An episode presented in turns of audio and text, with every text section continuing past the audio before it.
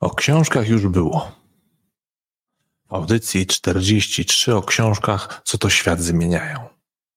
A w audycji 48 znów o książkach z innej póły.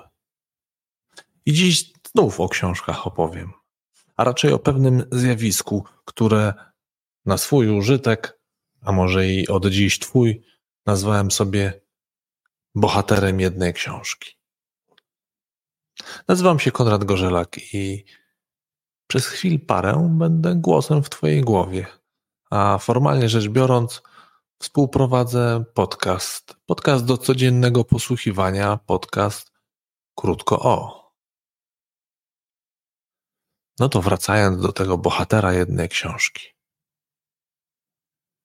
Słyszę takie teksty, której pewnie Ty nieraz słyszałeś. Przeczytaj Czerwonego Nietoperza i Antygrubość, a finanse i ryzyko pojmiesz dogłębnie. Inny głos mówi. Po przeczytaniu trylogii Haona Misia Jogiego wszystko wygląda. Jeszcze inny głos. Opieram swe życie na czternastu i pół zasadach Scottiego Pawelsona.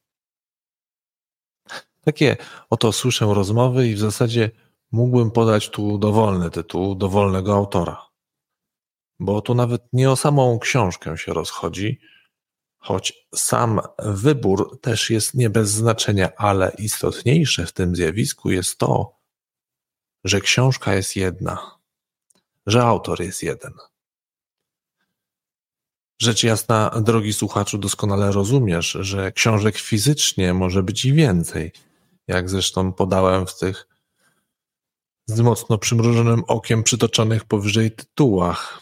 Więc książek fizycznie może i więcej, ale na pewnym poznawczym poziomie to jest jedna, jedna i ta sama książka. Jest to bowiem tylko jedna myśl autora. Lubię sobie patrzeć na książki, czy też w ogóle na czytanie, jak na rozmowę. Tylko to jest szczególna rozmowa, bo nieco asynchroniczna, ale według mnie to jej główna zaleta. Autor usiadł i coś powiedział, znaczy napisał. Wcześniej to przemyślał. Taką przynajmniej żywię nadzieję i takich autorów poszukuję. I jak on to przemyślał, to się w tym dialogu poprzez książkę ze światem podzielił. Więc ja sięgam po tę książkę, czyli zasiadam do rozmowy i słucham. No, znaczy czytam. A potem rozmyślam o tym, co usłyszałem. Yy, znaczy przeczytałem. Dla mnie wciąż nie do przecenienia jest to ludzkie osiągnięcie. Bowiem większość z nas przy w miarę sprzyjających warunkach może sobie porozmawiać z takim na przykład Rogerem Penrose'em, albo Davidem Hume'em, z Montesquieu'em, Adamem Smithem, Andrzejem Malewskim czy Zofią Hołówką. Może tych wszystkich ludzi spotkać i posłuchać, co mieli i co mają do powiedzenia. Jaki obszar naszej wspólnej rzeczywistości obejrzeli, przeanalizowali i być może jakoś się do tej rzeczywistości odnieśli. I kiedy oni to zrobili, to ja, mały żuczek, w swoim małym żuczkowym świecie mogę podreptać do żuczkowej księgarni lub biblioteki, wdrapać się na żuczkowy fotel i posłuchać, co na temat moralności miał do powiedzenia taki Fryderyk. Na przykład, weźmy dla przykładu Nietzsche ja, ten mały żuczek, mogę mieć jakiś namysł, mogę sobie dalej w swoim fotelu wygodnie siedzieć i rozmyślać. Albo mogę się na jakiś spacer wybrać i rozważyć taką myśl, na przykład o wolności. O tej wolności to tak wielu rozprawia i pisze. To może ja też to jakoś wezmę pod uwagę. Na przykład, gdy z ludźmi w pracy obcuję. I wtedy na tym spacerze tak sobie myślę, że o, to ciekawe. Bo może ta wolność to ważny temat. I ciekawe, co inni na to. Bo przecież inni też już o tym myśleli. I mówili, i pisali. A ja, ten spacerujący żuczek z innymi żuczkami, mam do tego dostęp. No ale wrócę do bohatera jednej książki. Bo cóż on czyni? Przynajmniej taki ja mam ogląd ze swoich obserwacji. Więc cóż on czyni, ten mój bohater? On jeden dialog prowadzi.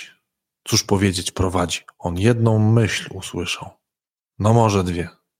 Najdalej trzy. Jedną myśl od jednego człowieka, co to książkę napisał. On tą jedną myśl poznał. Czy nawet trzy książki, ale jak już wspomniałem, trzy o jednym. Jednym i tym samym. I tak sobie patrzę na tego bohatera jednej książki i tak się pytam. Pytam sam siebie, choć to pytanie winno być skierowane do niego. Więc pytam, czy ty, przyjacielu, aby nie obawiasz się? Nie ma w tobie trwogi? To ty tak sobie jednego Jogiego przeczytałeś już o ludzkości i jej przyszłości wiesz wszystko? Czy w innym przypadku jakiś algorytm wypluł i wydawca zwąchawczy urobek podsuwa ci myśl nietęgą, że aby w życiu mieć porządek, to od porządku we własnym pokoju trzeba zacząć? Więc ja ponawiam pytanie, jakże to tak? Myśl jedną Pawelsona poznałeś i życie swe tej myśli powierzasz? Życie swe według tych zasad układać chcesz? Kierunek ci one wyznaczają?